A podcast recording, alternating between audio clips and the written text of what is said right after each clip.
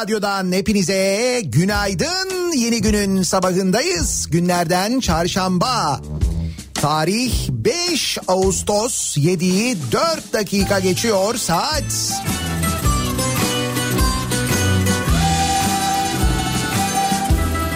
Pek bir bulutsuz İstanbul'da bu sabah gökyüzü. Yine de Poyraz esintisiyle birlikte nispeten fena geçmeyeceğini düşündüğümüz bir Ağustos gününe başlıyoruz. Türkiye'nin kalanı için aynı şeyi söyleyemeyiz ancak büyük bölümde yüksek sıcaklıkların etkili olacağı yönünde meteorolojik uyarılar var. Ne fark eder ikimiz de yorulmuş. Güzel bir yaz sabahına, güzel bir yaz gününe başladığımızı umuyoruz. O umudu hiç kaybetmiyoruz. Günaydın. Ayvayı yiyen bilir tabii ki mutlaka eden bu. Bana sor ben aşktan anlatan yalancı.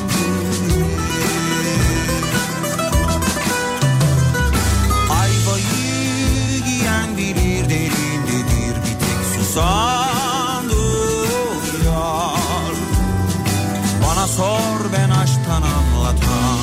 yalancı.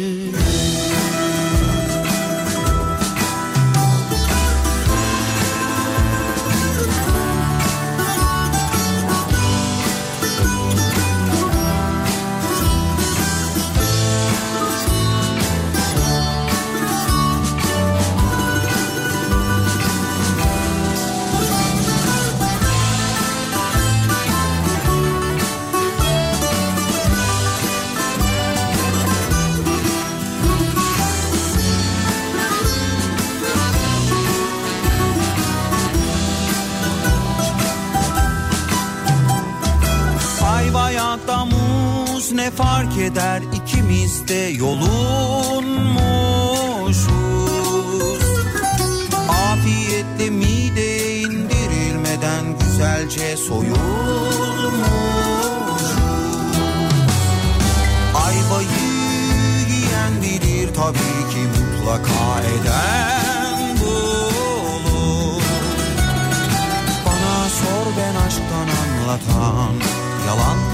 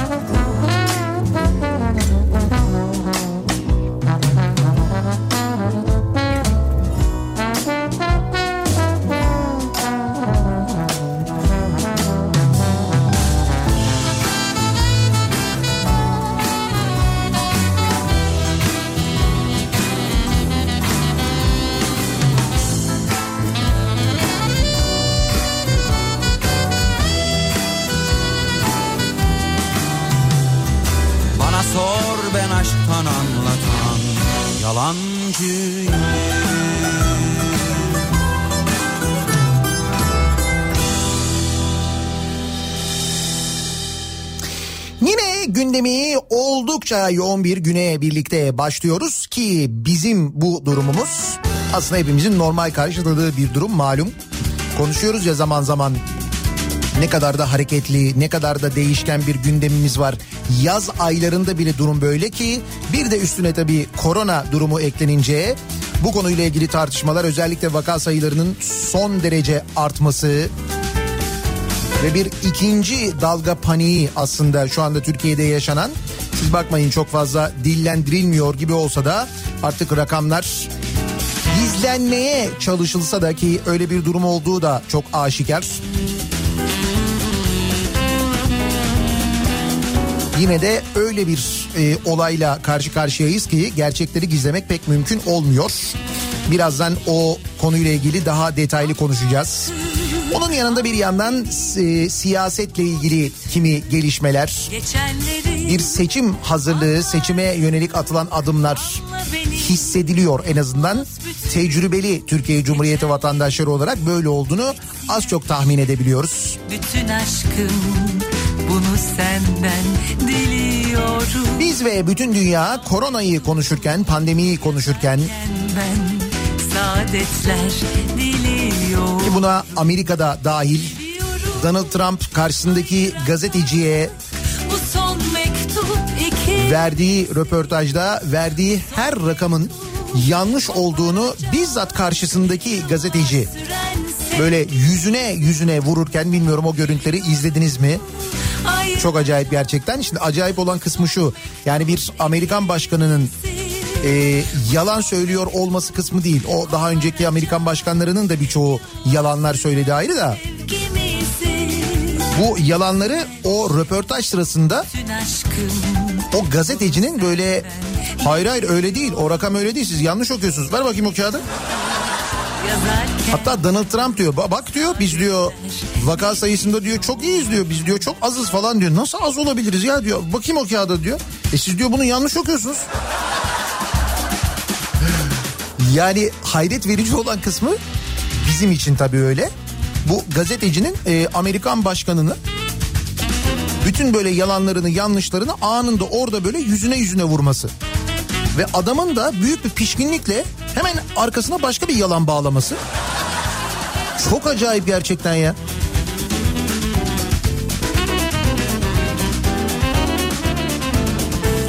Biz tam bunları konuşurken dün e, akşam saatlerinde Beyrut'tan gelen e, haber ve o görüntüler gerçekten inanılmaz görüntüler. Zannediyorum yıllarca hafızalardan çıkmayacak ve bütün böyle haber jeneriklerinde falan kullanılacak bir e, görüntü. Beyrut'ta meydana gelen patlama. Şimdi patlamanın ne olduğu, bir e, terör saldırısı mı olduğu yoksa bir kaza mı olduğu yönünde hala e, net bir bilgi yok. Ancak dün geceden bu yana gelen bilgiler içinden en somut olanlarından bir tanesi e, 2013 senesinde yanılmıyorsam e, bir gemi bulunuyor. Bu gemide amonyum nitrat e, var böyle çok yüksek miktarda. İşte gemi Lübnan limanına alınıyor. Ondan sonra e, geminin sahipleri gemiyi terk ediyorlar. Gemi personeli de e, serbest bırakılıyor. Sonra bu geminin içinde tehlike yaratıyor denilerek o amonyum nitrat bir depoya kaldırılıyor. E, Beyrut'taki bir işte Beyrut limanındaki bir e, depoya kaldırılıyor. İşte bu e, yüksek miktarda şimdi tam miktarı hatırlamıyorum ama çok yüksek miktardaki amonyum nitratın orada meydana gelen bir yangın sonrası o depodaki diğer e, malzemelerle askeri malzemelerle birlikte patlamasından kaynaklandığı söyleniyor. Çünkü hakikaten çok acayip bir patlama böyle bir atom bombası patlaması gibi.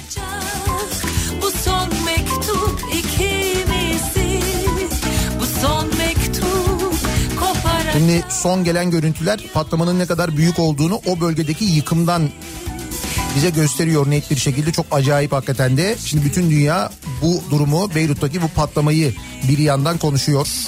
Biz de geçmiş olsun dileklerimizi iletiyoruz. Yazarken ben saadetler diliyorum İlk patlama olduktan sonra bu bir havai fişek e, işte deposu vardı orada havai fişek e, deposunda bir patlama olduğu yönünde bir takım haberler geldi açıklamalar geldi. Nitekim böyle çok yakından çekilen görüntülerde e, havai fişek patlamalarına benzer patlamalar vardı ama onların e, daha sonra bir mühimmat deposundaki patlamalar olduğu oradaki işte e, mühimmatların patladığı yönünde sonrasında bir açıklama geldi. Fakat şu havai fişek mevzusunun ne kadar saçma, ne kadar gereksiz, ne kadar zararlı bir mevzu olduğunu da bir sokak kedisi hemen hatırladık. Bizde Sakarya'da meydana gelen patlama, sonrasında hayatını kaybeden insanlar. sıcak Ne oldu o mevzuyu da unuttuk bu arada değil mi? Hoş gelmesem de hoş buldun beni O firma yakın bir zamanda Yağmurda sırılsıklam bir fabrika daha açıp yeniden üretime başlayabilir. Türkiye'nin birçok kentinde bu arada havai fişek atmak yasaklandığı halde beni Kalbinde bir yer açtın hala havai fişekler atılabildiğine göre bir yerde birileri üretiyor ya da bir yerden birileri getiriyor ve satmaya devam ediyor yani değil mi? Biraz uzansam dinlense başım göğsünde. Gelene kadar çok yordular beni. Gerçekten hayal gibi burada olmak şimdi senle Koyu vereceğim aşk diye ismini Güzel gözlüm, bebek yüzlüm, kahramanım benim.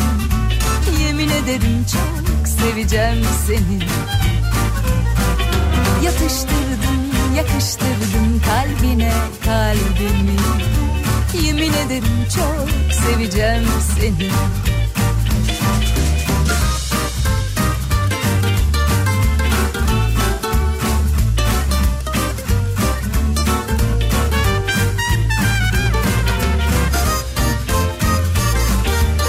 Antalya'dan sana al bir güneş manzarası.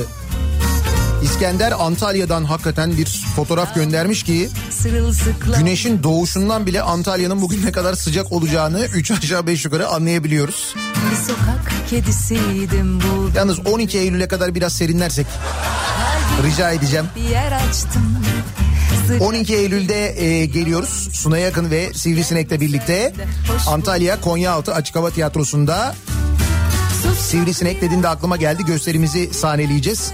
E, geçen sene değil zannediyorum ondan sene ondan önceki sene herhalde en son Antalya'ya geldik. E, Sunay abiyle birlikte Gerçekten hayal gibi burada olmak şimdi sen ve galiba Temmuz ayındaydı. Tabii Temmuz'du. Temmuz'da bir gösteri yaptık Antalya'da. Güzel gözlüm bebek Onu nasıl ikna ettiler bize yani? Demek ki bir boşluğumuza denk geldi herhalde ya da tarih müsaitti falan. Ya Arkadaş tabii ki Antalya'da gösteri yapmak çok keyifli, çok güzel. Gösteri bu arada hakikaten çok güzeldi, keyifliydi. Antalya izleyicisi seveceğim hakikaten çok eee, nasıl diyeyim ben çok etkindi. Ki o dönem e, yerel seçimden henüz olmamıştı. Menderes Sürel Antalya Belediye Başkanı'ydı. Her zaman çalışan o Antalya'daki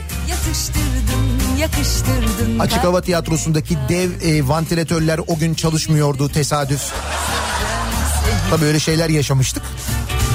yemin ederim çok seveceğim Fakat böyle bir sıcak Yani ben hala daha o günden sonra öyle bir sıcak yaşamadım öyle söyleyeyim.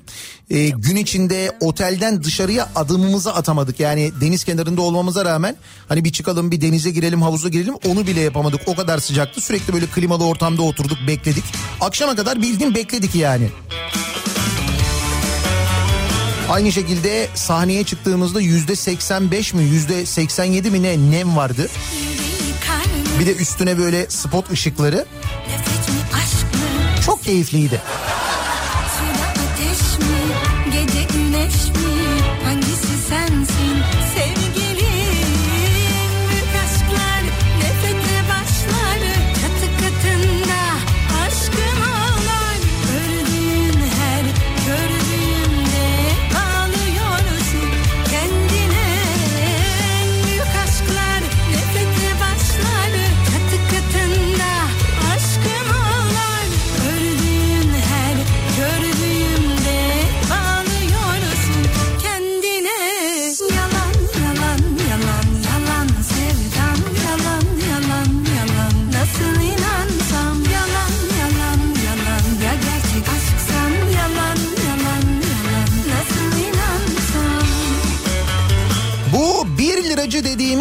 Dükkanların bazılarında satılıyor havai fişek demiş bir dinleyicimiz.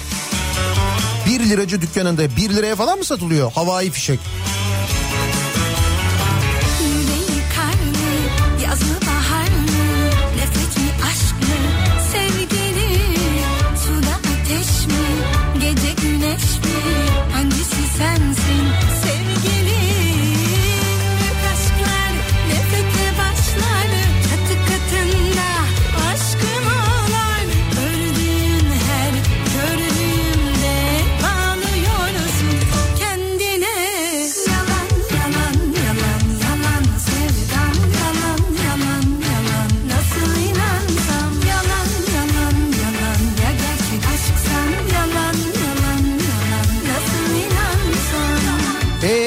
Gelmiyor mu? İzmir'e geliyoruz canım. 25 Ağustos'ta İzmir'e geliyoruz. 25 Ağustos'ta İzmir'de Fuar Açık Hava Tiyatrosu'nda Sivrisinek dediğinde aklıma geldi gösterisini oynuyoruz. Sonra 12 Eylül'de de Antalya'ya geliyoruz Suna Yakın'la birlikte. Bu iki gösterinin biletlerini de Biletix'ten e, ya da gişelerden temin edebiliyorsunuz. Antalya için bir e, müjde daha muhtemelen duymuşsunuzdur ama yani müjde derken turizm açısından önemli bir karar. Almanya Türkiye'ye yönelik seyahat uyarısını 4 il için kaldırdı. Bunlar da Türkiye'nin e, işte turistik merkezleri aslında Aydın, Antalya, İzmir ve Muğla. Dolayısıyla bu kentlere artık Almanya'dan turist e, gelebilecek.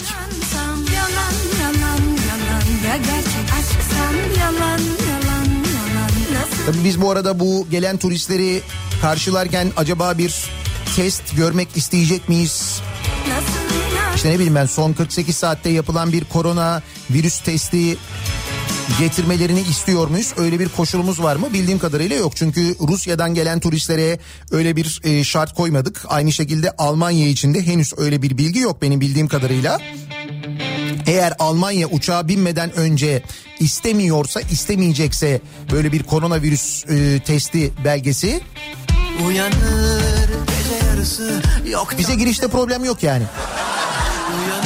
Biz zaten virüslüyüz diye düşünüyoruz. Herhalde öyle düşünüyoruz. Ve herhalde hepimizdeki rahatlığın memleket genelindeki rahatlığın da sebebi bu.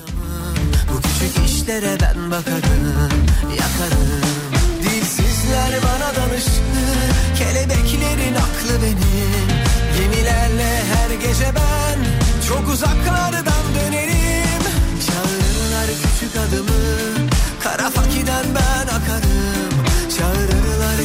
adımı Kara fakiden ben akarım.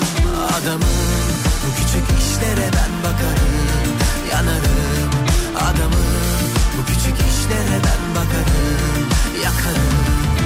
Benim adım Ebruli Biraz gerçek biraz rüya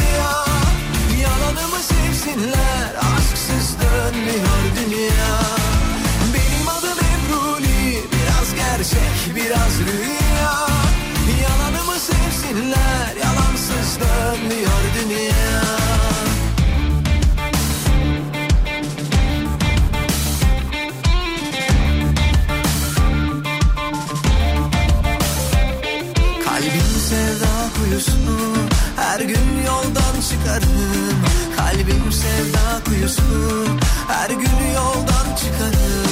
Adamım bu küçük işlere ben bakarım. Yanarım. Adamım bu küçük işlere ben bakarım. Yakarım. Dilsizler bana danışır. Kelebeklerin aklı benim.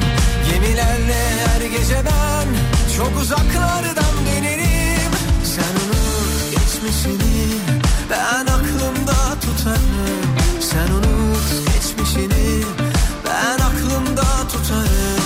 Adamım bu küçük işlere ben bakarım Yanarım. Adamım Bu küçük işlere ben bakarım Yakarım. Benim adım Ebruli Biraz gerçek biraz rüya. Trafik boş ama metrobüsler hala dolu. Adım Demek ki biz fakir sınıfı ya tatile gidemedik ya da uzatacak durumda değildik herhalde diyor Emel. Valla bir birleştirme durumu var. Trafiğin durumundan çok net bir şekilde anlaşılıyor. Bayram öncesiyle bugünü karşılaştırdığımızda belli ki bu haftayla bir bağlama olmuş. Ama evet toplu taşıma araçlarındaki yoğunluk bir miktar artmış görünüyor. Nasıl bir sabah trafiğiyle güne başlıyoruz peki? Hemen dönelim trafikle ilgili son duruma bir göz atalım bakalım.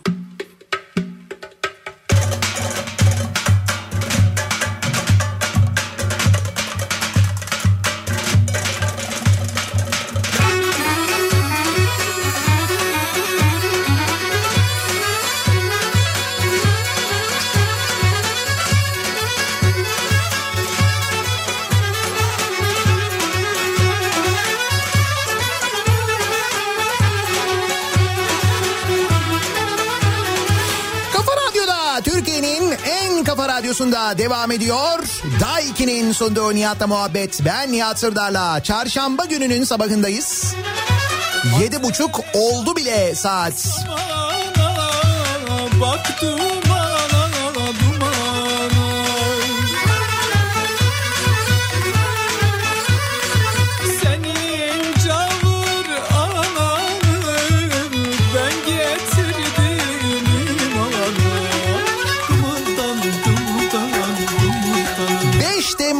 Temmuz'muş Antalya'daki gösteri. Gülbanu e, fotoğraf göndermiş. Gösteri sonrası çektirdiğimiz fotoğraflardan bir tanesi. 5 Temmuz e, Antalya açık hava gece 1. Yalnız fotoğrafta ben kendime baktım hakikaten bitmişim. Ama diyorum ya ya öyle bir sıcak öyle bir nem vardı ki. Neyse dediğim gibi 12 Eylül'e biraz serinler herhalde. Herhalde.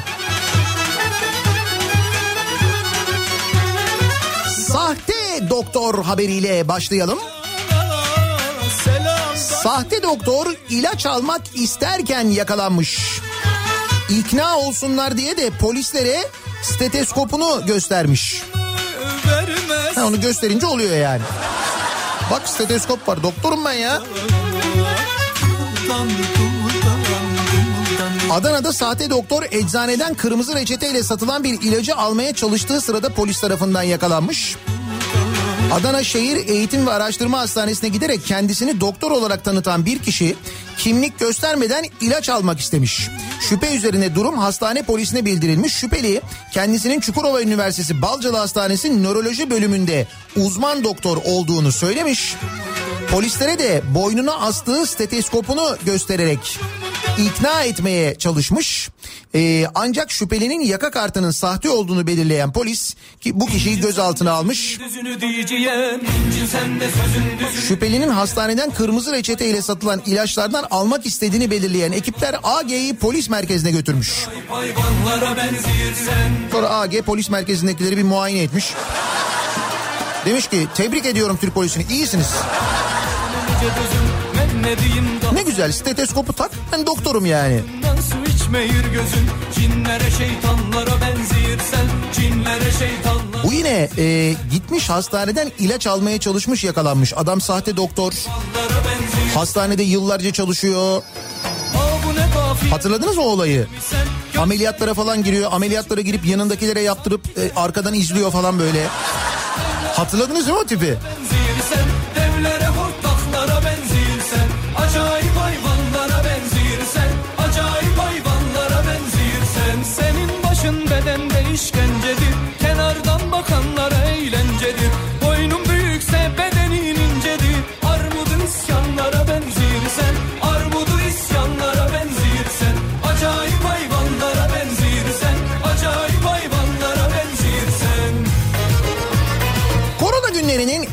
Acayip tartışmalarından bir tanesi ve e, birçok bilinmeyenli bir konu aslına bakarsanız. Hani mühim bir konu değil gibi görünse de aslında Türk halkının hani böyle enteresan zamanlarda ortaya çıkan kırmızı çizgileri oluyor ya. Cam filmi mesela. Hatırladınız mı cam filmi tartışmalarını, kamuoyunun nasıl ayağa kalktığını, cam filmi nasıl yasaklanır? Sonra ona müsaade edilmesini. Şimdi bu ve bunun gibi böyle kimi enteresan alışkanlıklar var. Asla vazgeçmek istemediğimiz ve konuyla ilgili ciddi tepki gösterdiğimiz. Bunlardan bir tanesi halı sahalar. Tabii tabii ciddi bir halı saha kültürü Türkiye'de oluşmuş vaziyette. Ha, gelişmiş vaziyette mi değil ama oluşmuş vaziyette yani o gelişme kısmı tartışılır. Fakat şöyle bir tartışma var şimdi Ee, dediğim gibi çok bilinmeyenli bir durum. Ee, halı sahalar açıldı mı açılmadı mı malum pandemi sürecinde halı sahalar da kapatıldı. Tıpkı işte böyle kafeteryaların kapatılması, lokantaların kapatılması gibi. Sonra bir ara dendi ki halı sahalar açıldı. Sonra dendi ki hayır açılmadı.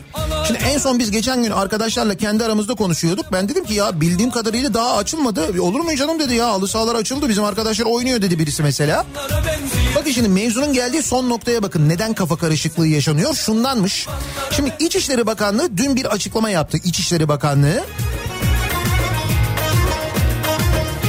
İçişleri Bakanlığı, Sağlık Bakanlığı, Koronavirüs Bilim Kurulu tarafından halı sahaların açılmasına yönelik rehber hazırlama çalışmalarının devam ettiğini açıklamış. Demiş ki daha halı sahaların açılması ile ilgili rehber hazırlanmış değil diyor yani. Halı sahaların faaliyetlerinde uymaları gereken rehber çalışmasının tamamlanmasını mütakip. İçişleri Bakanlığı tarafından halı sahaların faaliyetlerine dahil il hıfzı sıha kurallarınca karar alınabilmesine yönelik valiliklere gerekli bilgilendirme yapılacağı kaydedilmiş. Yani diyor ki İçişleri Bakanlığı Türkçesi henüz diyor halı sahalar açılmıyor diyor biz açılsın demedik. Onunla ilgili henüz bir karar yayınlanmadı diyor. Acayip benzirsen Kamuoyunda yaygın bir şekilde halı saha olarak adlandırılan tesislerin 4 Ağustos 2020 tarihi itibariyle açılacağına dair bazı basın yayın organlarında çıkan haberler üzerine açıklama yapılması zarureti doğduğu vurgulanarak denilmiş ki asılsız haberlerin kaynağı olduğu anlaşılan Halı Saha Futbol Federasyonu Halı Saha Futbol Federasyonu mu varmış ya? Ben onu bilmiyordum. O da mı Nihat Özdemir'e bağlı? Eğer öyleyse halı sahaların durumu iyi değil onu söyleyeyim yani.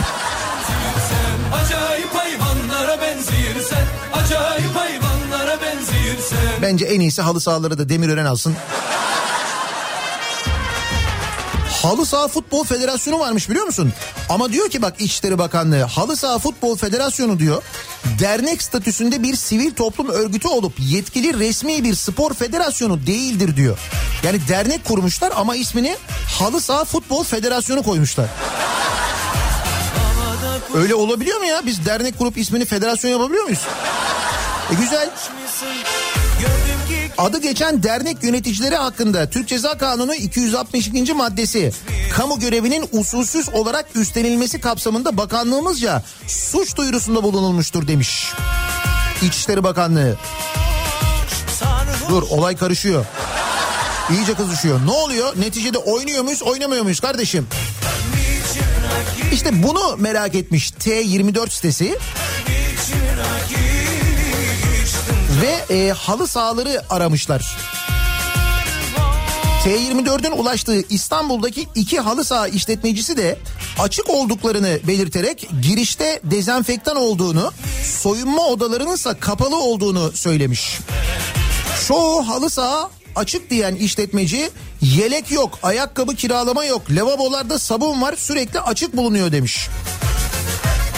Cumartesi günü hangi saatler müsait sorusuna da işletmeci sadece akşam 7-8 bir de gece 11-12 saatleri müsait demiş. Program da dolu yani. E İçişleri Bakanlığı? Eve geç gelirsin Gecemiz bitmesin Oroslara söylenin erkenden ötmesin Peki ya küme düşen halı sahalar ne olacak? Onları yeniden şey yapabiliyor muyuz yoksa? Onları da alalım Süper Lig'e. He? Olmaz mı? Haydi cevap ver. Ben niçin rakip içtim cevap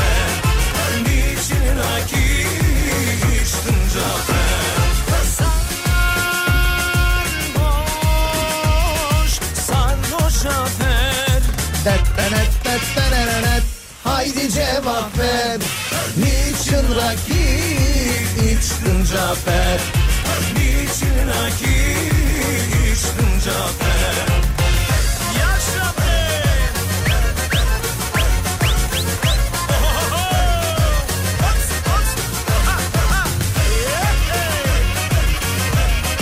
Şöyle güzel bir göçmen düğünü özleyenler ellerini kaldırsınlar. Çok içmişsin Cafer Enflasyon açıklandı. Haberiniz var mı enflasyonun açıklandığından? Aa düştü. Bilmiyor musun?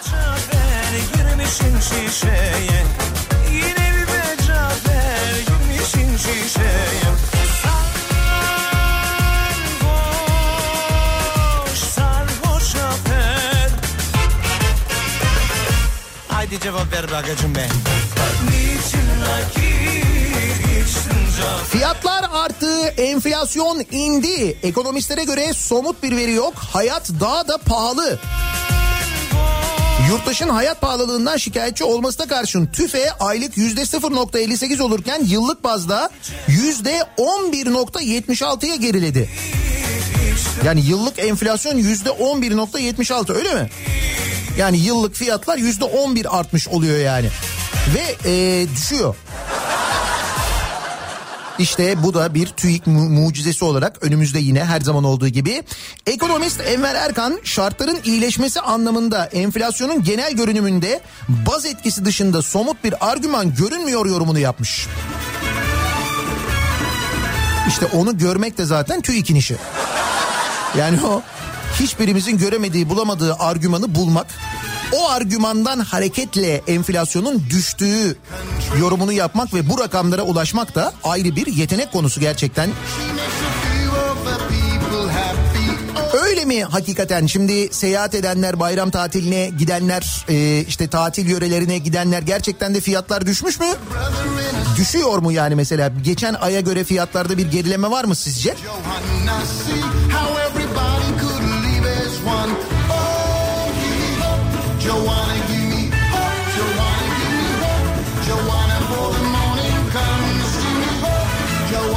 Allah'tan zengin bir ülkeyiz de böyle enflasyondu, hayat pahalılığıydı falan öyle şeyleri dert etmek zorunda kalmıyoruz. Zengin bir ülkeyiz. Ee, harcadığımız paralara özellikle kamu kaynaklarının nasıl harcandığına baktığımızda ne kadar zengin olduğumuzu her seferinde görüyoruz. Bu hepimize bir mutluluk. Hatta böyle hafiften böyle bir serinlik. Veriyor değil mi hepimize? Öyle bir serinlik veriyor yani. 35 milyon dolarlık kamu zararı. Nerede olmuş bu kamu zararı? Bravo Ankaralılar bildiler evet. Tebrik ediyoruz. Bu da Ankara'da olmuş. Üstelik Melik Gökçek döneminde olmuş. Bel Beton AŞ diye bir şirketi varmış. Ee, Gökçek döneminde Ankara Büyükşehir Belediyesi'nin. Bel Beton AŞ Gökçek yönetimindeki Ankara Büyükşehir Belediyesi ile çok sayıda iş yaptığı belirlenen bir firmaya 2011-2015 yılları arasında 145 milyon liralık satış yapar raporu doğrultusunda yani demişler ki 4 yılda bu şirket 145 milyon liralık satış yapar diye bir rapor çıkmış. Bu rapor doğrultusunda 12,5 milyon dolara özelleştirilmiş. Bu şirket şirket devredilmiş başka bir şirkete. E, devredilen şirket yani Ankara Belediyesi'nin şirketi belediye ile iş yapan bir şirkete veriliyor, özelleştiriliyor. 12,5 milyon dolara bak şimdi. Bunun gerekçesi de diyorlar ki 2011-2015 arası bu şirket 145 milyon liralık satış yapar. O kadar diyorlar. Sonra ne oluyor? Bu şirket özelleşiyor. Bu şirket e, başka bir şirket alıyor. Aldıktan hemen sonra belediyeden Ankara Büyükşehir Belediyesi'nden yani kendi şirketini özelleştiren belediyeden artık özel olan şirket bir buçuk milyar liralık ihale alıyor. Nasıl güzel değil mi? Süper.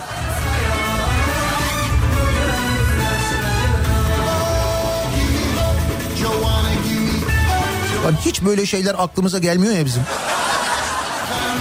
Bu adamların nereden aklına geliyor, nasıl aklına geliyor? Hadi diyelim aklına geldi mesela böyle bir şey yapmak. Buna nasıl cesaret ediliyor? Nasıl cesaret etmişler bunu yapmaya?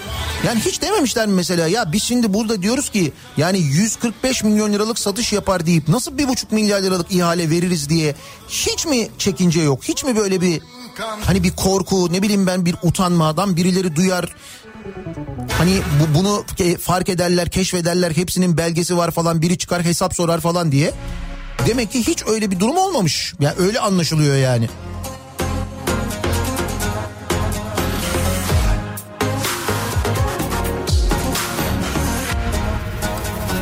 Bu arada Ankaralılara da bir kez daha geçmiş olsun. Ama her hafta bir şey çıkar mı ya? Her hafta her gün Ankara ile ilgili sürekli bir şey çıkıyor. Ama tabii şimdi düşününce yani Melik Gökçe'nin Ankara Büyükşehir Belediye Başkanlığı'nı böyle Ankara'da Hititlerden sonra yapmaya başladığını yani çok uzun süre yaptığını düşününce aslında bu kadar çok hadisenin çıkması ortaya çıkması gayet normal görünüyor. Fakat rakamlar acayip. Yani bu rakamlar demek ki böyle olmasa, böyle birilerine peşkeş çekilmese, işte Anka Park'ta olduğu gibi batırılmasa, düşünebiliyor musun Ankara'nın nasıl bir şehir olacağını? Yani bu paralar böyle boşa harcanmasa ya da birileri tarafından böyle indirilmese, Ankara nasıl bir şehir olurmuş bu kadar yıl içinde? Düşünsene, tahmin edebiliyor musun? Kopacak çıkacak gibi, uçacak gibi görmüyor musun? Bu gece çözelim düğümü Neyse ki yine aynı noktaya geliyoruz. Neyse ki paramız var noktasına geliyoruz. Bakınız neyse ki paramız var da FETÖ yöneticilerine 4 yıl boyunca maaş ödemişiz mesela. O haber vardı geçenlerde gördünüz mü bunu? Ben dün aktaracaktım ama vakit kalmadığı için anlatamadım. Masak FETÖ'nün devletteki finansal izini buldu. 63 örgüt üyesine 15 Temmuz'dan bu yana maaş ödendiği belirlenmiş. 15 Temmuz'dan sonra FETÖ'cülere maaş ödemişiz. FETÖ'cü olduğu belli olan adamlara maaş ödemişiz. Bunlar arasında firari istihbaratçı Coşkun Çakar ve örgütün ikinci adamı Mustafa Özcan'ın sağ kolu Süleyman Gülmez de var. Üstelik firariler bunlar ama biz onlara maaş ödemeye devam etmişiz. Bunlar da o maaşları almışlar mı? Na- Nasıl almışlar? Ama mücadele ediyoruz değil mi? Böyle mücadele ediyoruz demek ki. kopacak gibi, çıkacak gibi, uçacak gibi görmüyor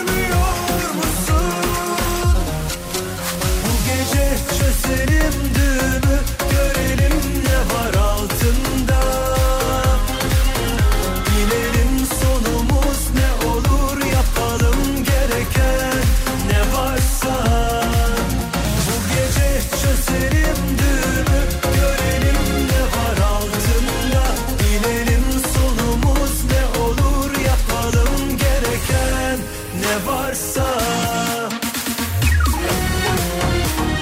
Ayasofya haberleri devam ediyor ancak şöyle devam ediyor.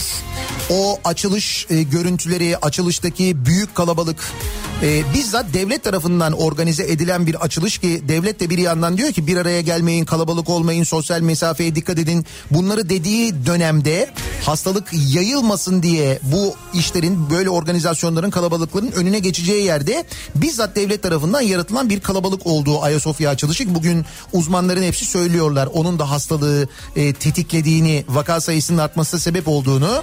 Nitekim o Ayasofya'daki açılışa e, katılan milletvekilleri ya da böyle diğer görevlilerde de koronavirüs tespit edilmiş. Hatta bunlardan bir tanesi e, Diyanet İşleri Başkanı Erbaş'ta fotoğraf çektiren AKP'li Hüseyin Şanverdi. Korona e, olup iyileşmiş. Bu kez de aynı açılışa katılan bir başka AKP'li vekil Ahmet Akay'ın korona olduğu ortaya çıkmış. Şimdi bu işin korona tarafı bir de e, Ayasofya'da Taliban bayrağı açılmış. Tarihi yapının hem içinde hem de dışında Taliban örgütünün kullandığı Afganistan İslam Emirliği yazılı tevhid bayrağı açıp slogan atmışlar. Bayağı bildiğin Taliban örgütü bayrağı açılmış. Ayasofya'nın hem içinde hem dışında. Afganistan bu duruma tepki göstermiş. Müsaade etmeyin böyle şeylere demiş. Düşman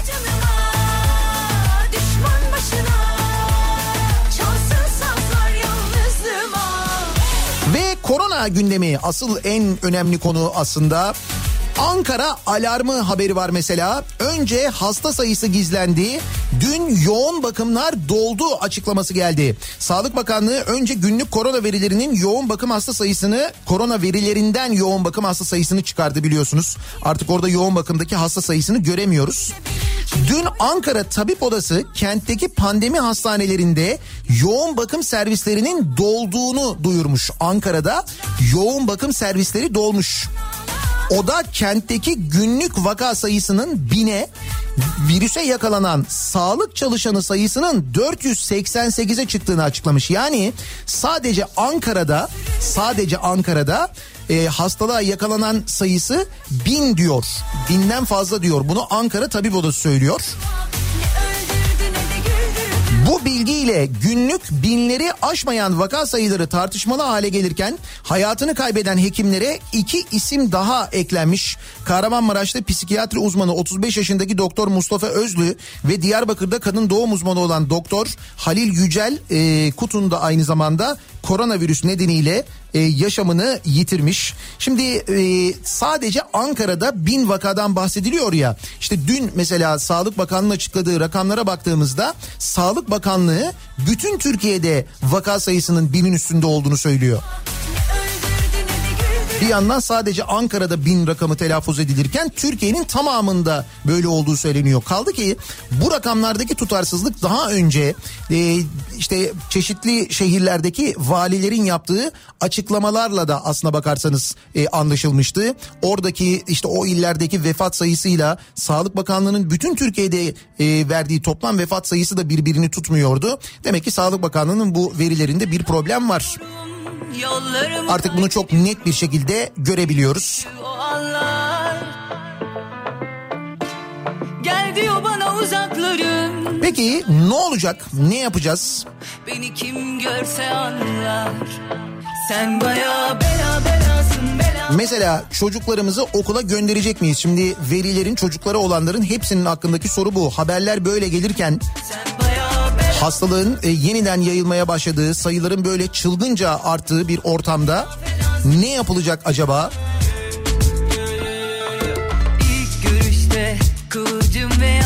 İşte Ankara'da e, İl Sağlık Müdürlüğü hastanelere gönderdiği yazıyla e, ikinci bir emre kadar acil olmayan ameliyatlarla hastaneye yatışların durdurulması talimatı verilmiş.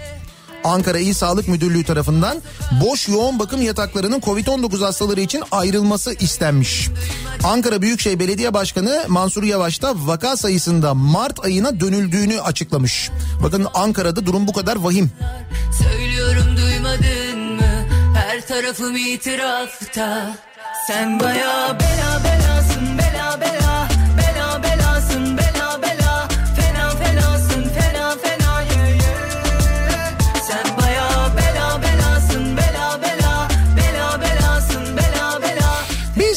Koronayı konuşurken hastalığın yeniden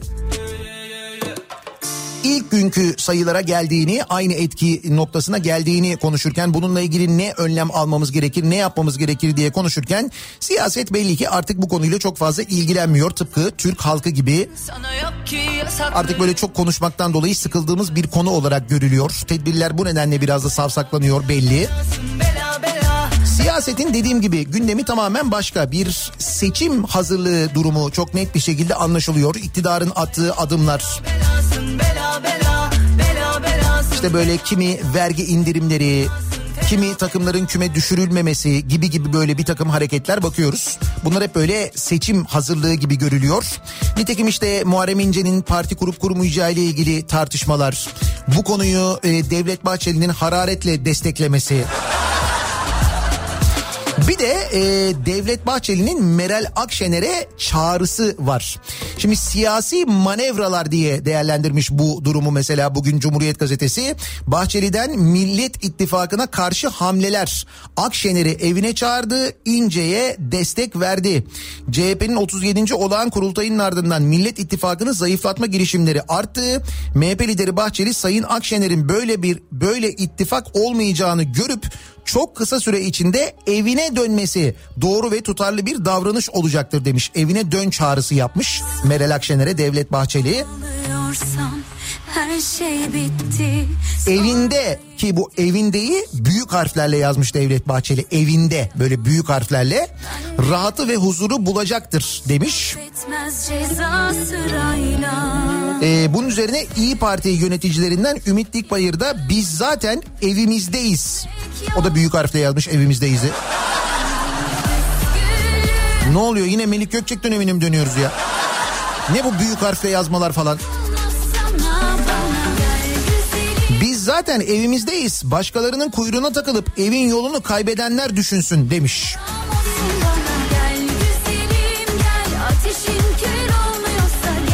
olsun bana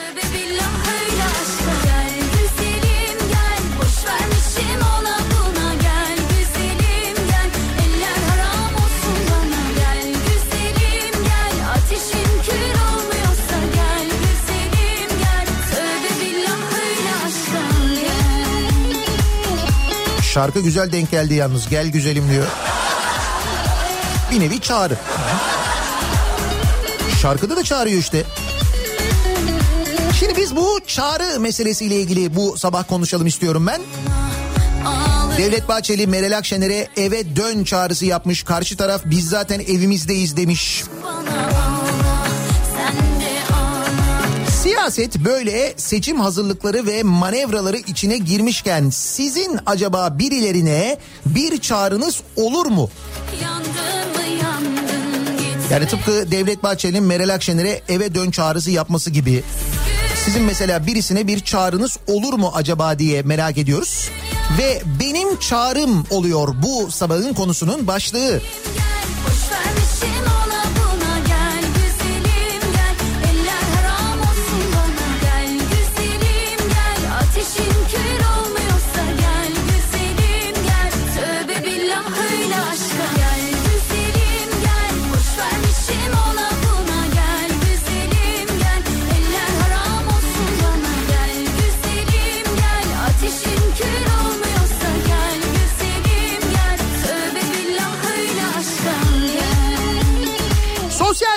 Üzerinden yazabilirsiniz mesajlarınızı. Benim çağrım bu sabahın konusunun başlığı. Bakalım siz kime ne çağrısında bulunacaksınız acaba? Twitter'da böyle bir konu başlığımız, bir tabelamız, bir hashtagimiz an itibariyle mevcut. Benim çağrım başlığıyla yazıp gönderebilirsiniz mesajlarınızı. Facebook sayfamız Nihat Sırdar fanlar ve canlar sayfası nihatetnihatsırdar.com elektronik posta adresimiz. Bir de WhatsApp hattımız var 0532 172 52 32 0532 172 kafa. Buradan da yazıp gönderebilirsiniz çağrınızı. Reklamlardan sonra yeniden buradayız.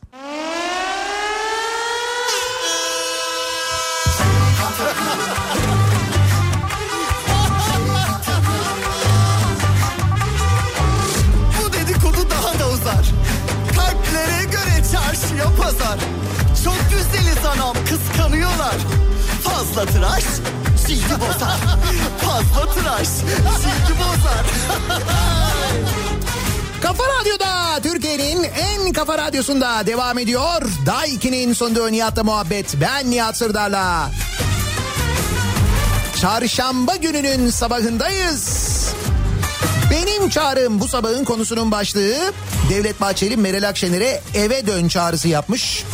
O da demiş ki biz evimizdeyiz zaten demiş. Siz kimi neyle ilgili kime neyle ilgili bir çağrıda bulunuyorsunuz acaba diye soruyoruz.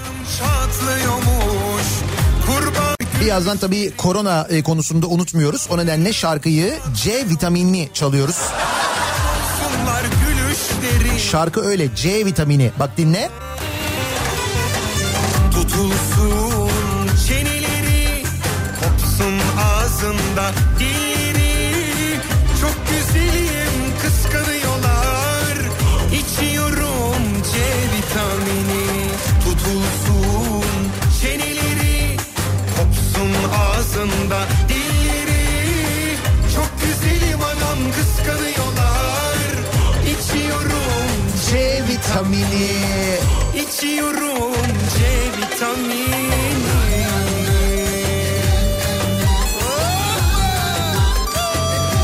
Acayip C vitamini reklamı da.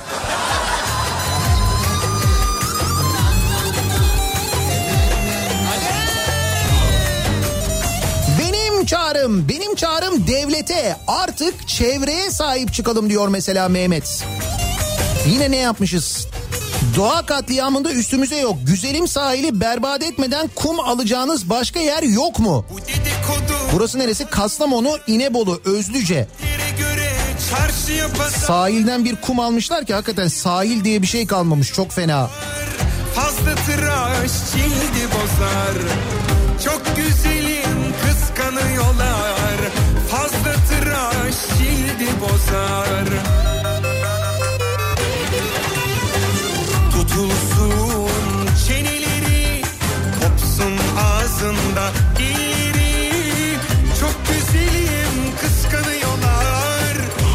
İçiyorum C vitamini.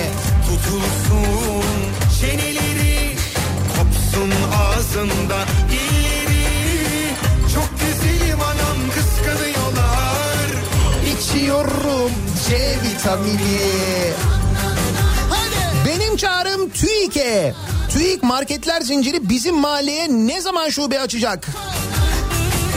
Evet TÜİK'e göre enflasyon yine düşmüş.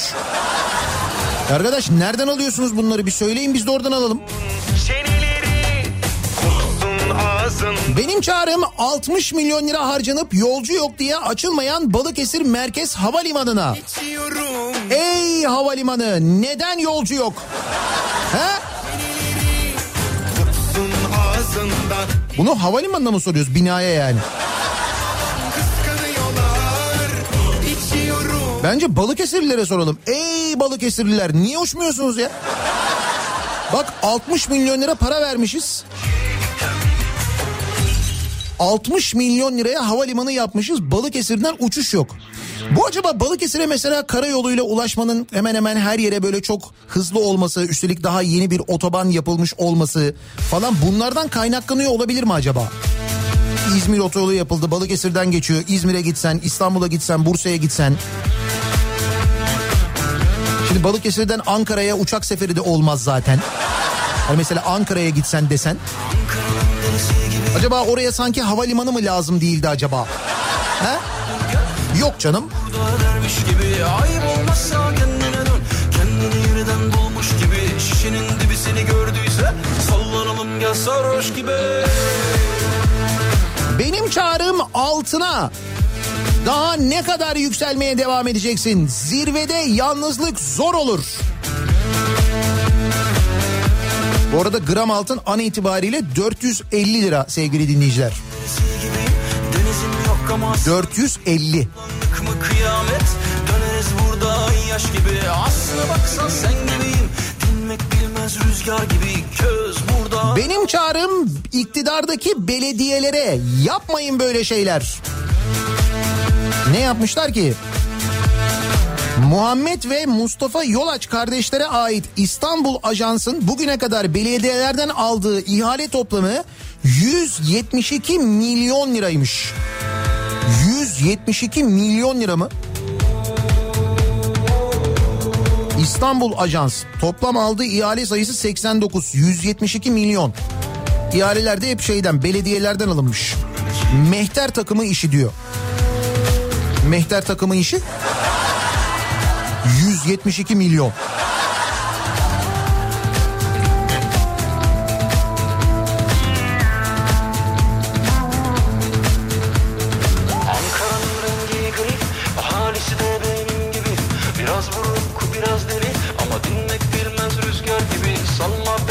Dur Balıkesir'den cevap geldi. Bir açılsa uçacağız da açılaydı iyiydi diyor Funda. Zıplayalım gel yanmış gibi. Aslında o da doğru şimdi uçak olmayınca nasıl uçacaksın? Demek ki bu havalimanlarını yapmadan önce acaba bu havayolu şirketleriyle mi konuşsalar yani? Ha mesela onlara mı sorsalar hani biz buraya havalimanı yapıyoruz ama siz buraya sefer düzenler misiniz? Buradan uçar mısınız? Burada bir yolcu potansiyeli var mıdır? Siz buna bir bakar mısınız falan desin denilse değil mi?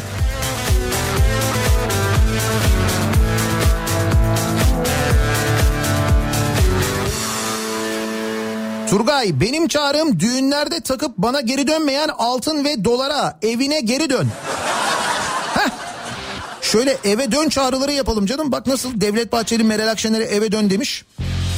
Turgay da diyor ki ben diyor birilerine düğünde diyor taktım diyor. Şimdi hiç diyor onlardan bir dönüş yok bana diyor. Çünkü şu anda çok sağlam bir bahane var mesela. Düğüne gitmemenin bahanesi diyorsun ki ya kusura bakmayın korona var malum falan. İşte öyle deyince karşı taraf hiçbir şey diyemiyor. Ne desin? sen varsın Evden sokağa çıkınca Trafikte bunalınca sen varsın İş yerinde tatilde Cehennemin dibinde sen varsın Hangi taşı kaldırsam altından çıkıyorsun Hangi yöne savrulsam Nihat'cığım bir de buna bak lütfen diyor Gürhan. Orası neresi? Bayburt. Bayburt'a 300 milyon lira bütçeyle havalimanı yapılacak. Merkeze bir saat mesafede olacakmış. Biliyorum Bayburt Havalimanı bunu daha önce konuştuk. Ben söyledim Bayburt'a 300 milyon liraya havalimanı yapacağına Bayburt'u 300 milyon liraya Erzurum Havalimanı'nın yanına taşıyabilirsin. Daha ekonomik olur.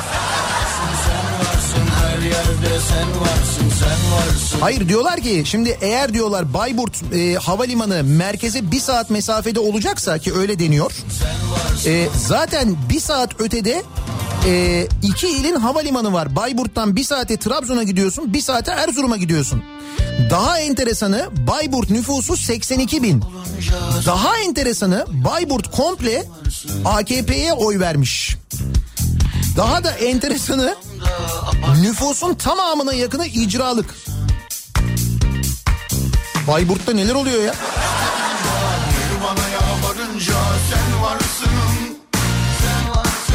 Ha aslında e, en önemli bilgi şu. Bayburt'taki bu yapılacak olan havalimanı 2 milyon yolcu garantili olacakmış. Yıllık 2 milyon yolcu garantili. Bayburt nüfusu 82 bin. Nasıl? Güzel değil mi? Sen varsın sen varsın her yerde sen varsın sen varsın Sen varsın sen varsın her yerde sen varsın sen varsın Sen varsın sen varsın her yerde sen varsın Bir de şu klasik sürekli Tülay'a dön çağrıları var ya. Tülay ne olur dön. Her yerde sen varsın sen varsın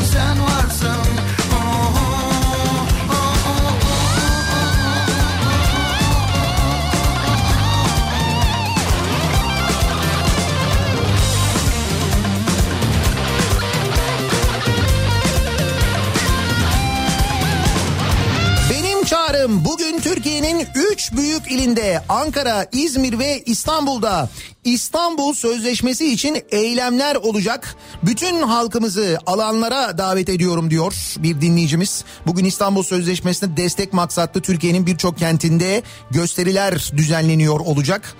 Umalım da kadına şiddeti önlemek maksatlı İstanbul Sözleşmesi'nin yürürlükte kalmasını isteyen kadınlara bugün şiddet uygulanmasın. Çünkü daha önce gördük maalesef bunu.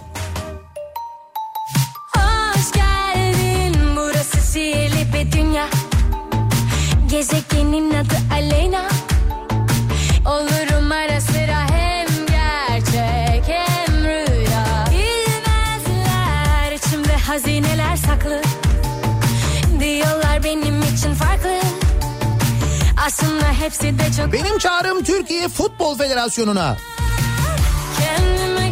Ne diyorsunuz? Eve dön mü diyorsunuz? Aslında evet bence de eve dön demek Futbol Federasyonu yönetimi eve dönse belki değil mi? Ülkede her şeyi olduğu gibi futbolu da mahvettiler. Türkiye'nin en büyük sivil toplum kuruluşu olan He, Fenerbahçe ile savaşmaya kalkarlarsa altında kalırlar.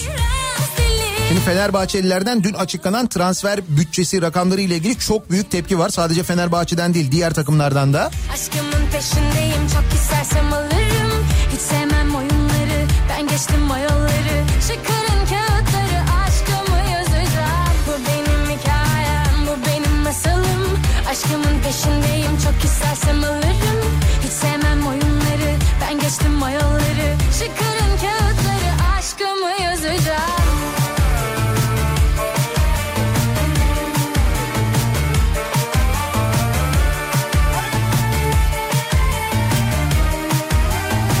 çağrım Demet Akalın'a şu koronaya da bir el at artık. Hakikaten değil mi? Hiç Sağlık Bakanlığı konusuyla ilgili aslında bir ok aldı zaten Demet Akalın'ın girmediği konu. En son Futbol Federasyonu'nda da gördük kendisini. Yani o e, işte lige yükselme meselesinde. Benim çağrım bayramda yediğim trafik cezasına ne olursan ol gelme. Gelme gelme ceza gelme diyor Zafer.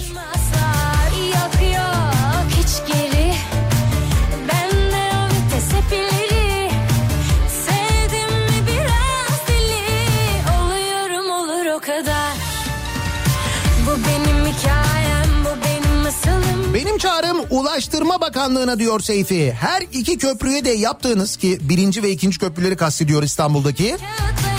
Yaptığınız o takları çift taraflı geçiş için artık açıklayın, utanmayın.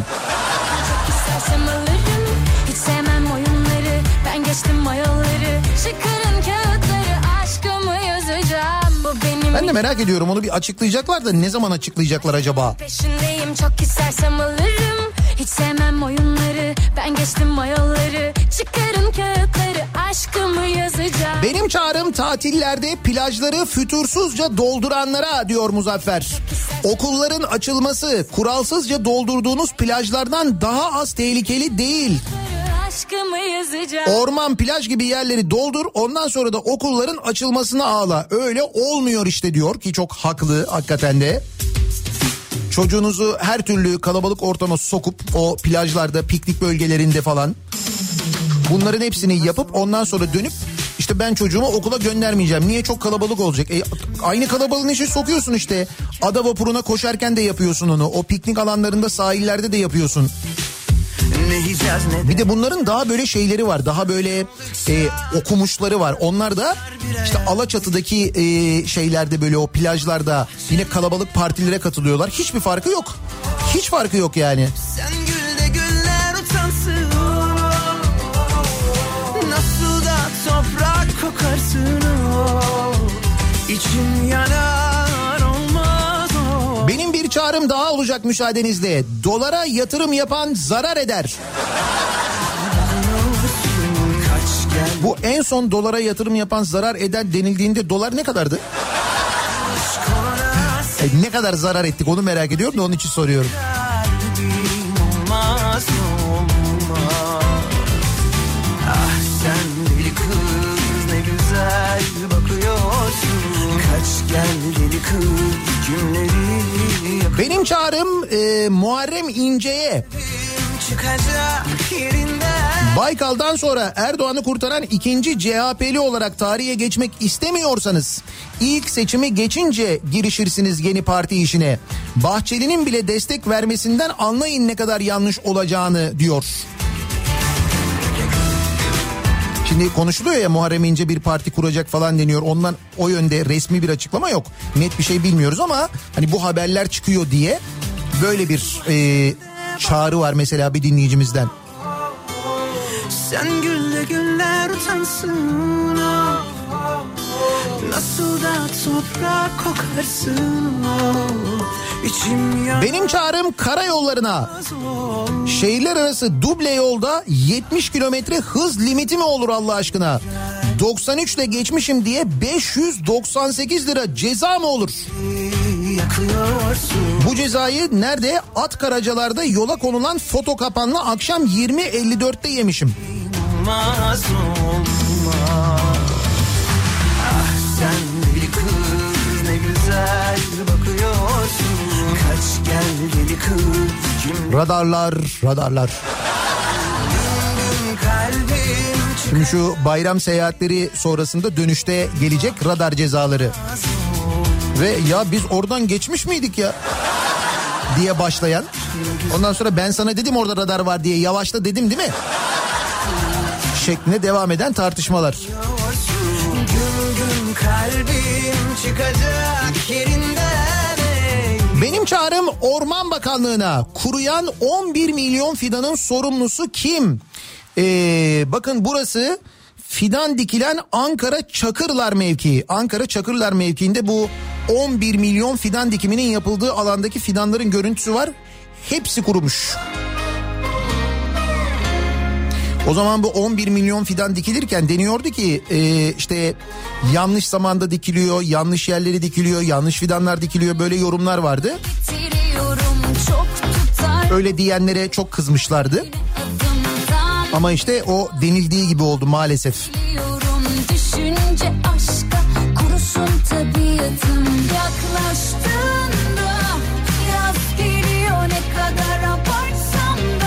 Benim çağrım Koreşma'ya evine dön. Come to Beşiktaş. Ha, transfer dönemi de başladı.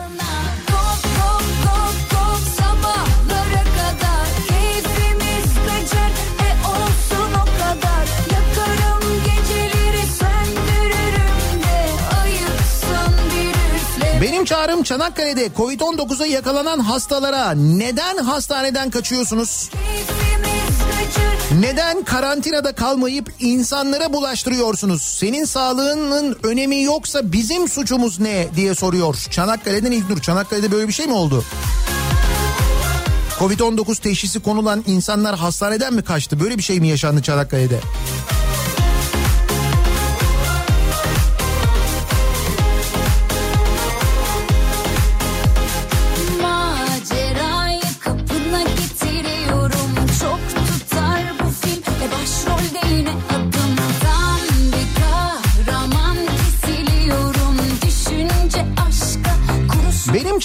Pazar esnafına TÜİK enflasyonda Temmuz ayında gerileme olduğunu söyledi.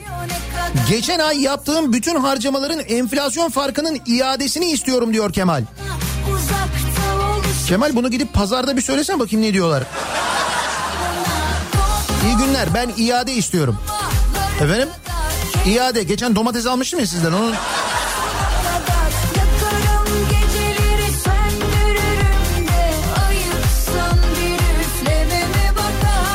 Benim çağrım Türkiye Futbol Federasyonu'na o harcama limiti de ne?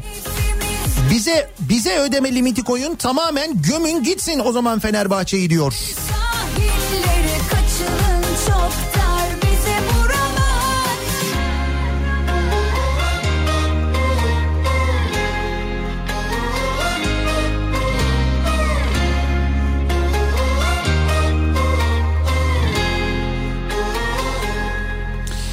Benim çağrım eee, ekonomi iyiymiş, enflasyon şu kadarmış, işsizlik rakamları falan bunlarla artık aklımızla dalga geçmesinler. Öyle mi düşünüyorsunuz? Bizimle dalga geçtiklerini mi düşünüyorsunuz?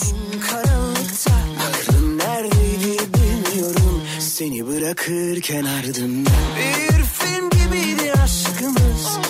Belki yeniden başlarız. Al ipler. Benim çağrım Sağlık Bakanlığı'nın her akşam açıkladığı tabloları. Bundan sonra belki şurada bir ağaç, şurada bir dağ vardır çıkarımlarıyla manzarayı toparlayıp tablo yapan Bob Ross hazırlasın. Evet bu Sağlık Bakanlığı tablosunun artık pek de gerçeği yansıtmadığını herhalde hepimiz anladık. Yakar kurusun ateşin beni. Gerçek aşkın külleri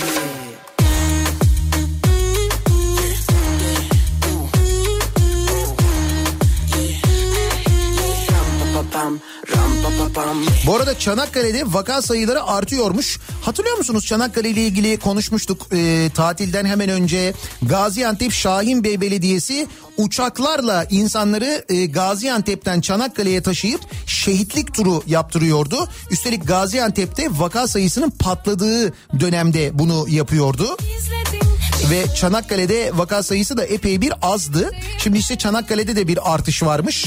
Şimdi tabii bununla mı ilgilidir o yapılacak filyasyon çalışmasıyla anlaşılır ama Böyle bir dönemde uçakla insanları Antep'ten Çanakkale'ye taşımak ne kadar aciliyetli bir durumdur, ne kadar gereklidir. Şahin Bey Belediyesi'nin mesela yapacak daha önemli, özellikle bu korona döneminde daha önemli bir şey yok mudur? Demek ki yok.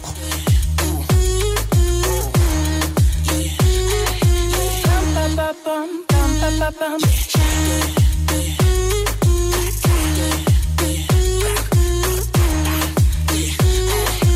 Benim çağrım Kayseri Büyükşehir Belediyesi'ne bize de kelepir arsa versin biz de biri alıp ertesi gün 3'ten satışa çıkaralım. Dün anlatmıştım ya belediyenin sattığı arsaların hikayesini.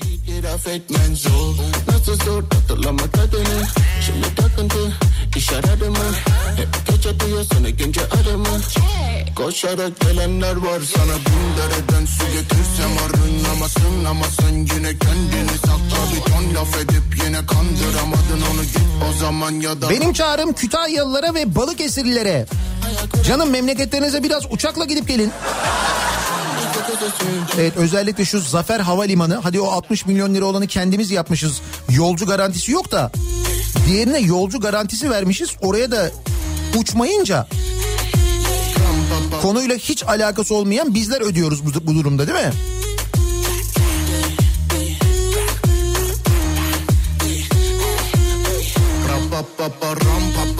Benim çağrım İstanbul'dan, Ankara'dan vesaire Çanakkale'ye gelmeyin abi. Covid'de sayenizde ilk beşe girdik. Gelmeyin. Bak bayağı şikayetçiler Çanakkale'liler. Hem tatil için Çanakkale'ye gidenler. Hem az önce anlattığım bu Gaziantep'ten sürekli böyle bir uçakla taşıma durumu. Sıraya dizdin Yazdın oraya çizdin Bulaştık sayende çoktan olaya E kaynadı karaya Yaşıyoruz ani irtifak kaybı Dinletemiyorum Kurtlar geziniyor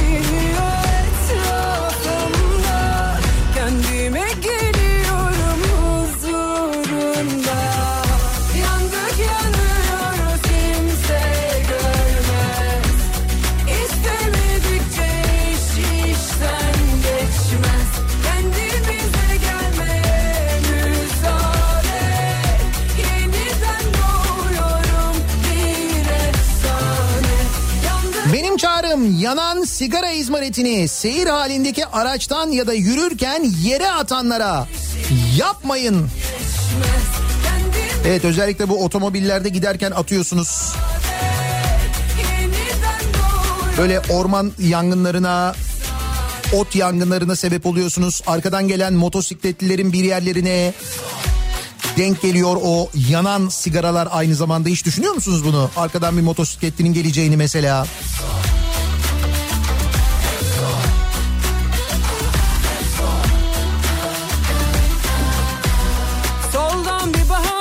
Benim çağrım dış güçlere. Bak bu çok geliyor mesela dış güçlere, dış minnaklara. Dolarla, altınla yapamayacaksınız, başaramayacaksınız. Neyi? Ne, neyi, neyi başaramayacaklar acaba? Kurtlar geziniyor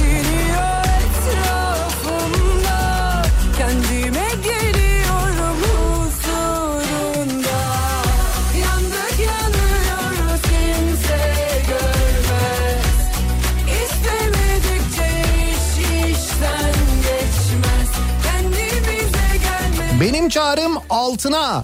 Seni oraya biz çıkarttık indirmesini de biliriz. Bunu altın için mi söylüyorsunuz?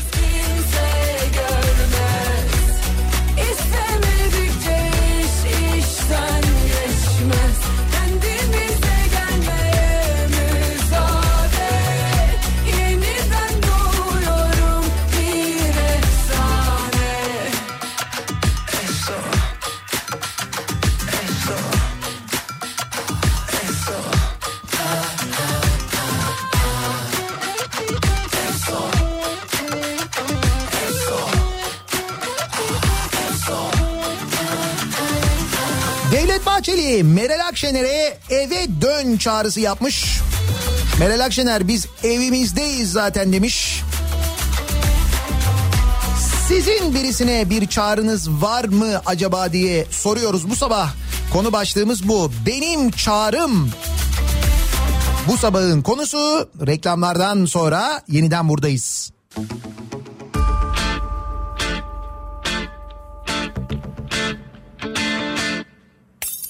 Parti bittiğinde kimse temizliğe kalmak istemez ya. O minvalde bir telaş. Seziyorum arkadaş. Herkes cennete gitmek ister. Ama gerçekte kimse ölmek istemez ya. Haydi sen de durmanlaş. Oh, yeah. Vay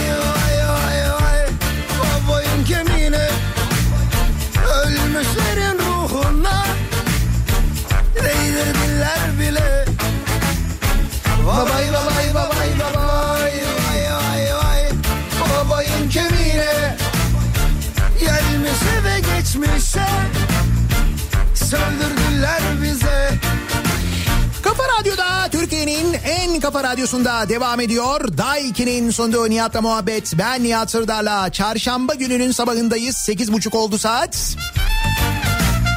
Benim çağrım bu sabahın konusunun başlığı. Siyaset giderek ısınıyor, seçim hazırlıkları hissediliyor. Evine dön, oraya gel, buraya gel çağrıları havada uçuşuyor. Devlet Bahçeli Meral Akşener'e eve dön demiş.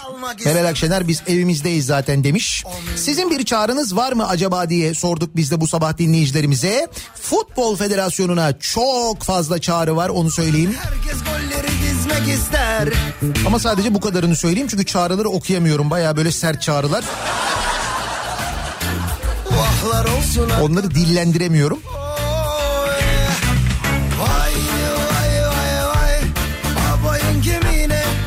Benim çağrım baş tacı yerli turistlere tatile geldiğiniz beldeyi pisletmeyin, çöplerinizi yola atmayın. Yaşadığınız koca şehirlerin trafik kaosunu, kavga gürültüsünü geldiğiniz tatil beldesine getirmeyin. Tatildesiniz unutmayın lütfen biraz daha sakin diyor Mustafa. Vay vay vay vay. Babayın kemiğine. Ölmüşlerin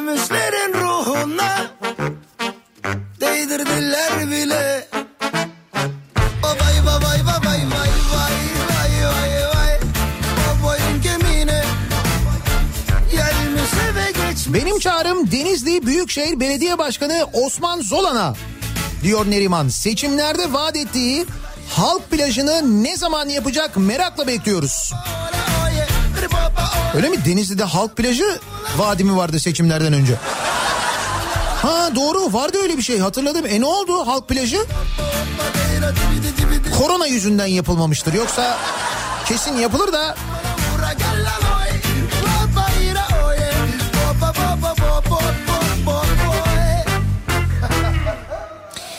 Benim çağrım Çanakkale'lilere diyor Erol. Bayramda gördük maskesiz dolaşıyorsunuz yapmayın. Çanakkale'liler size söylüyorum yurdum siz anlayın. Sadece Çanakkale için değil maskeyi dışarıda olduğumuz müddetçe kullanmak durumundayız. Bir de böyle burnun altında tutmazsak biliyorum çok sıcak evet. Ama hastalığın özellikle burundan geçtiğini unutmayın. ben ona mecburum çağrım ekonomi profesörlerine, ekonomistlere, sokaktaki esnafa, geçim derdindeki vatandaşa. Bence çok da şey etmeyin. TÜİK bizimle maytap geçiyor. Akşama pimpon topu haşlama ve soba borusu oturtma yapın. TÜİK'in açıkladığı enflasyon rakamları yine düşmüş ya.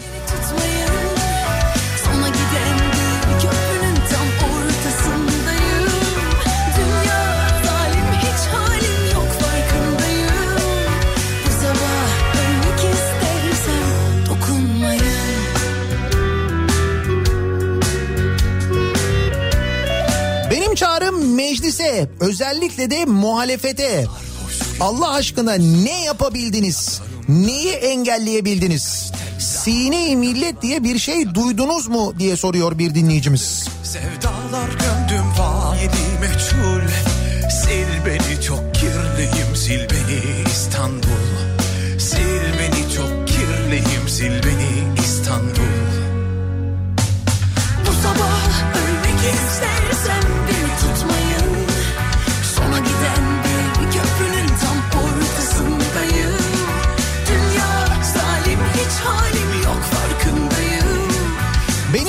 Çağrım geçenlerde KDV oranı yüzde sekizden yüzde bire düşen yeme içme hizmetlerinde müşteriye yansıyan ücretler hala aynı.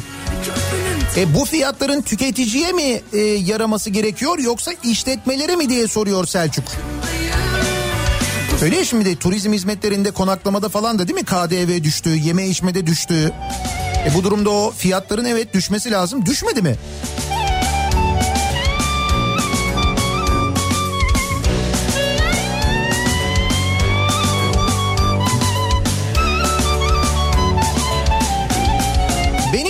Kendime.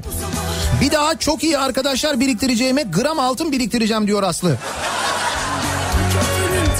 Evet daha karlı olurmuşsun doğru aslında.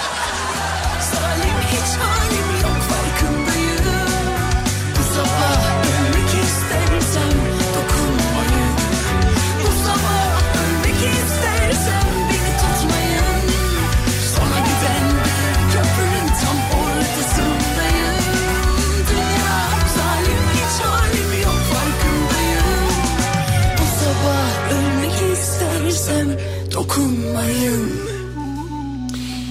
Benim çağrım kendi ailesini bile önemsemeyenlere aylardır doktor çocuklarına hasret annelerin yerine koyun kendinizi desem ne fayda? Aylardır evladımla aynı sofraya oturmaya bile hasretim.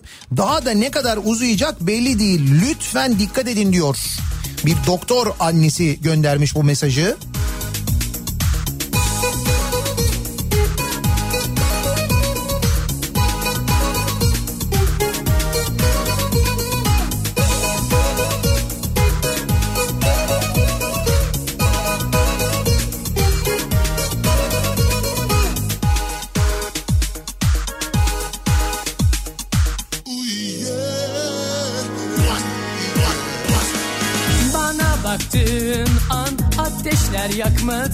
Benim çağrım Antalya'daki bu güneşe. Evet Antalya'da sabah erken vakitte bir dinleyicimiz göndermişti gerçekten de. Bugün epey bir sıcak olacak anlaşılan. Sıcak demişken bu arada bugün çarşamba günlerden bu akşam Nihat'la Sivrisinek'te Daikin'le birlikte bir yarışma yapıyoruz. Ve bugün Türkiye'deki e, ölçülen en yüksek sıcaklık derecesi kadar ki onu akşam yayından önce meteorolojiden öğreneceğim ben. Öyle bir indirim e, vereceğiz. Diyelim en yüksek e, sıcaklık derecesini ölçülmüş 45 derece mi ölçülmüş o zaman yüzde 45 indirim vereceğiz 3 dinleyicimize. Diledikleri Daikin Split klimayı yüzde 45 indirimle alabilecekler eğer 45 ise. Sanki Bu 3 dinleyicimize vereceğiz. E-posta yoluyla yapacağımız bir yarışma olacak akşam yayınında. O nedenle Nihat'la Sivrisinek'te bizi dikkatlice dinlemenizi, soracağımız soruya doğru yanıt vermenizi isteyeceğiz. Sorunun doğru yanıtı da bu arada Daikin'in Instagram hesabında olacak. O yüzden Daikin Türkiye Instagram hesabını şimdiden takibe alın. Akşam için hazırlık olsun. Belki o indirimi siz alacaksınız. atmadın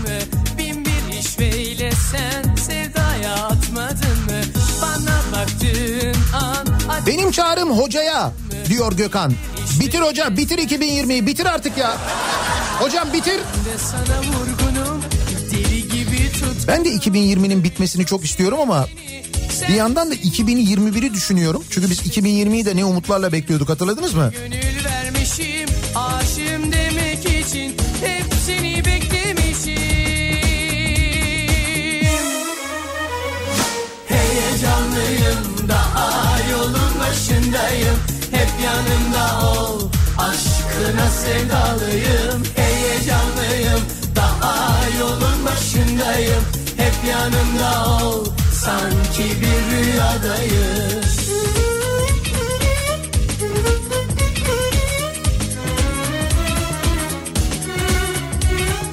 Benim çağrım televizyon kanallarına diyor Cüneyt.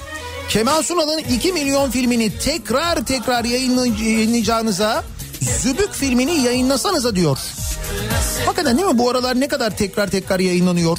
Tabii şimdi yeni yapımlar e, işte çekilemiyor, edilemiyor, yapılamıyor ya bu pandemi hikayesi yüzünden. O nedenle e, sürekli böyle eski filmler, eski Türk filmleri özellikle tekrar tekrar yayınlanıyor. Ama bakıyorum bakıyorum bir türlü Zübük yayınlanmıyor. Heyecanlıyım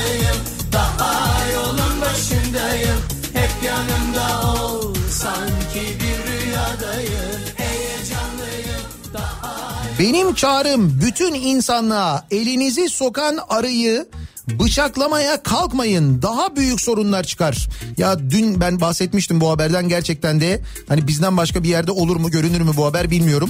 Elini sokan arıyı bıçaklamak istedi diye bir haber var. Kocaeli İzmit'te kurbanlık keserken kolunu sokan arıyı uzaklaştırmaya çalışan Yüksel İnce isimli vatandaş elini kesti. İnce eti parçalarken elime arı soktu. Arıyı kovalamaya çalışırken bıçak elime değdi. Ciddi bir şey yok birkaç dikiş atıldı dedi.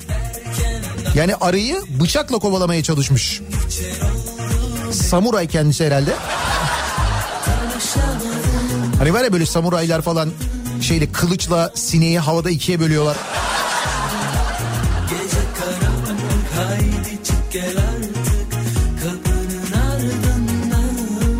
oh, Dokun sana haydi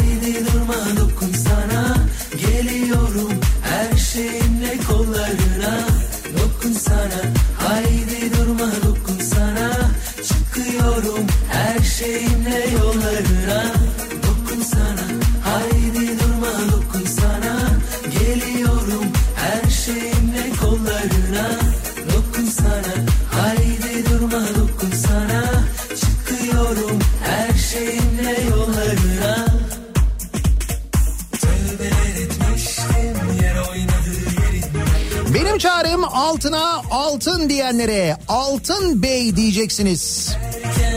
Evet gram itibariyle 450 lira.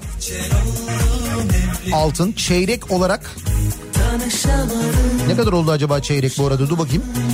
ben onunla hiç yarışamadım Gece karanlık haydi çık gel artık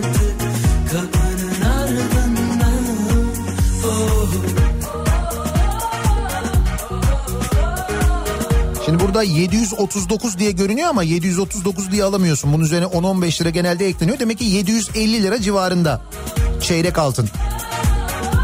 Çeyrek diyorum 750 diyorum. Bak çeyrek diyorum. Hatırlıyor musunuz bir zamanlar düğünlere gittiğinizde taktığınız çeyrek altınları ya da mesela düğüne gitmeden önce ya acaba çeyrek mi taksak yarım mı taksak çeyrek ayıp olur mu falan diye konuştuğunuz günleri hatırladınız mı? Çok uzak olmasa gerek yani. kollarına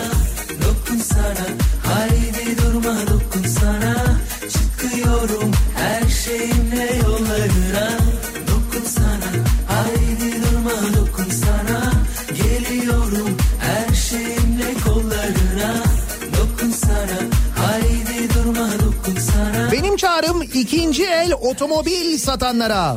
Yahu bu fiyatlar nedir? Nasıl yükseldi ikinci el fiyatları değil mi? Ve belli ki önümüzdeki günlerde daha da artacak. İkinci ele olan ilgi arttıkça fiyatlar da giderek daha fazla yükseliyor haliyle. Böyle bir durum oluyor maalesef.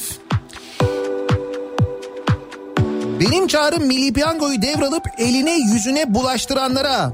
Çalışan sistemi bozup esnaf ve vatandaşı mağdur ettiler. Evet oynanmıyor değil mi? Oynanamıyor. Bak zaman geçiyor. Bir sürü eksikler var. Şey gibi düşünüyorlar herhalde zamanla oturur. Ya bence böyle düşünüyorlar öyle tahmin ediyorum ben. Hem yok acı tavan. Bak zaman geçiyor durmadan.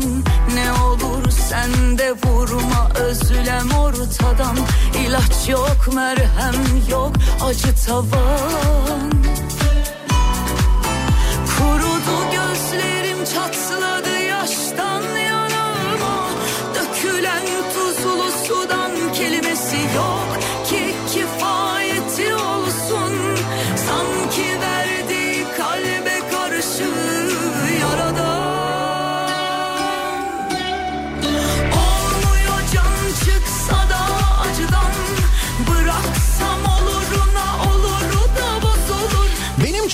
karayollarına iki aydır Denizli, Aydın, Manisa, Isparta, Afyon il merkezi ve iller arası yollardaki ışıklar uyarı vermeden kırmızıya geçiyor. Ve bazı kavşaklardaki geri sayım cihazları söküldü. Nasıl uyarı vermeden yani mesela sarı olmadan direkt kırmızıya mı dönüyor? Yeşilden birden kırmızı mı oluyor? Devlet vatandaşına tuzak kurmamalı diyor. Denizli'den tırcı İsmail göndermiş.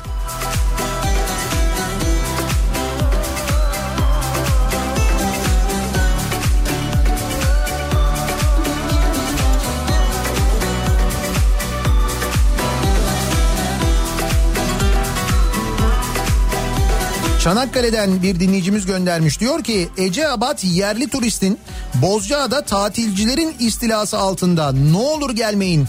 18 Mart'ın pandemi bölümü dolu durumda demiş. Evet Çanakkale'de durum bu. durmadan Ne olur sen de vurma özlem ortadan İlaç yok merhem yok acı tavan Kurudu gözlerim çatladı yaştan yanıma Dökülen tuzlu sudan kelimesi yok ki kifayeti olsun Sanki verdiği kalbe karşı Fiyatı 750 lira olan çeyreğe başka isim mi bulsak acaba?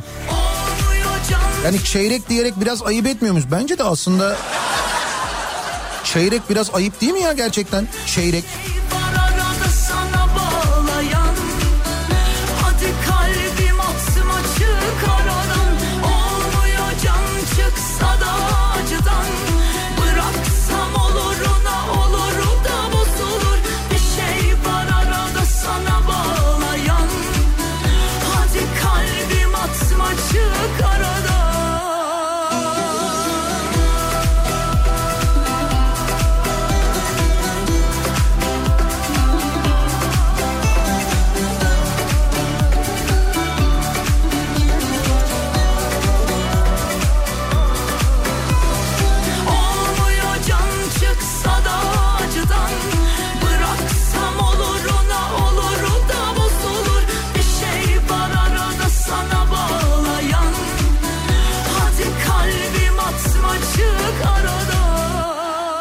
Sayın çeyrek diyebiliriz diye bir öneri gelmiş mesela. Bilmiyorum ama çeyrek böyle bir çeyrek kelimesinde bir yanlışlık var. Yani 750 lira olan bir şeye çeyrek demek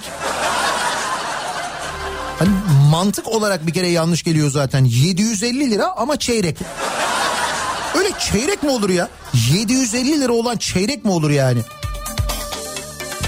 Vay be 750'yi konuşuyoruz. Bir dönem 400 lira mıydı 450 lira mıydı neydi onu konuşuyorduk. 400 liraya çeyrek olur mu falan diyorduk. 750. Bu anlattığım da bir sene önce değil ha.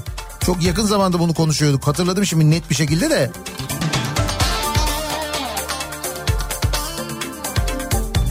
Benim çağrım taksi plakası sahiplerine diyor Levent. Biz şoförler taş mı yiyelim şu kiraları biraz indirin diyor. Dur şimdi taksi plakası sahipleri martı ile uğraşıyorlar o bir bitsin. Ondan sonra.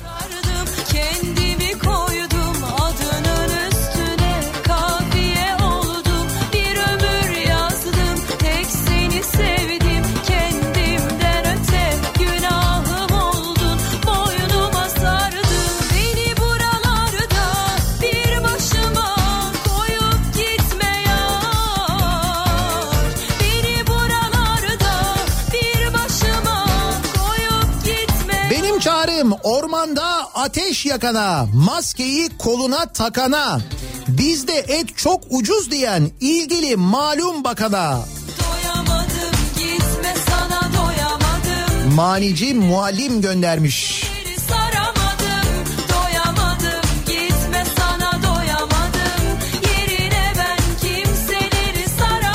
Benim çağrım uzayda fink atan Elon Musk ve NASA çalışanlarına. Orada bir yerde yaşanabilir bir gezegen bulurlarsa bence kendilerine saklasınlar. Bu burada kimseye anlatmasınlar. Bırakın bari orası yaşanabilir kalsın.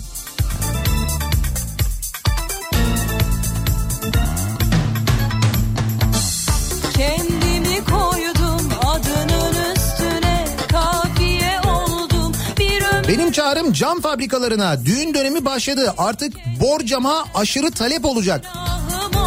Lütfen fabrika kapasitelerinizi arttırın. Evet çeyrek yerine mesela tam borcam. Değil mi? Fena fikir değil.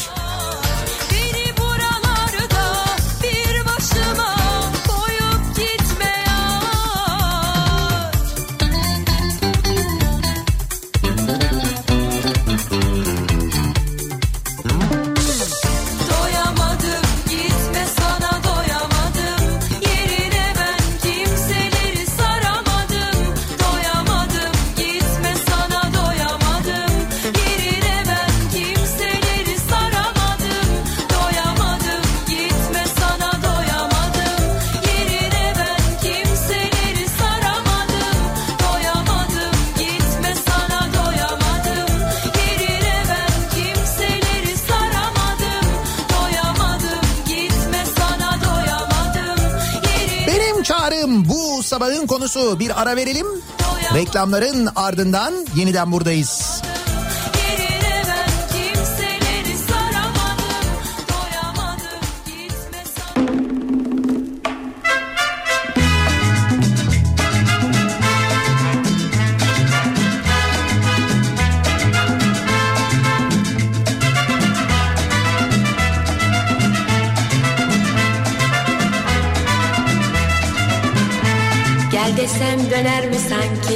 Aşkımızla dolu günler ayrılıklar dargınlıklar geçiyor yazık ömürler dön desem döner mi sanki? Aşkımızla dolu günler ayrılıklar dargınlıklar geçiyor yazık ömürler ne kadar severse sevsin neden ilk aşk gibi olamaz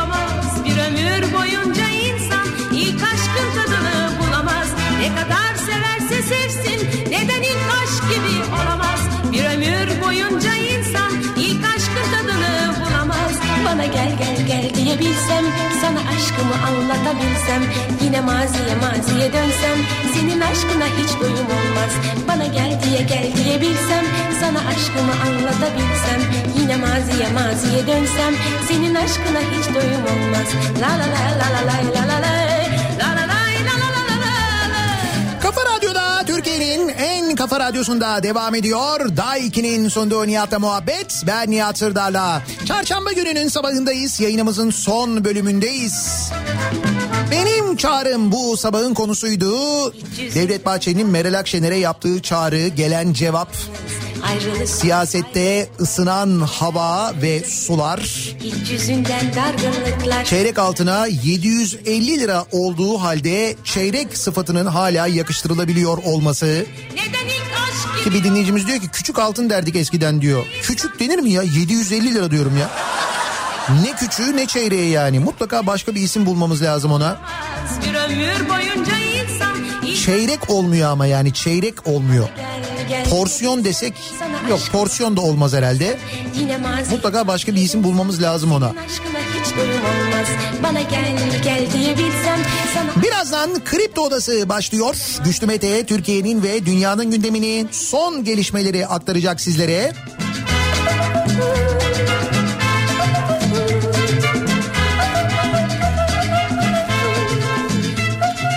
Yeniden görüşünceye dek güzel bir gün, sağlıklı bir gün geçirmenizi diliyorum. Hoşçakalın.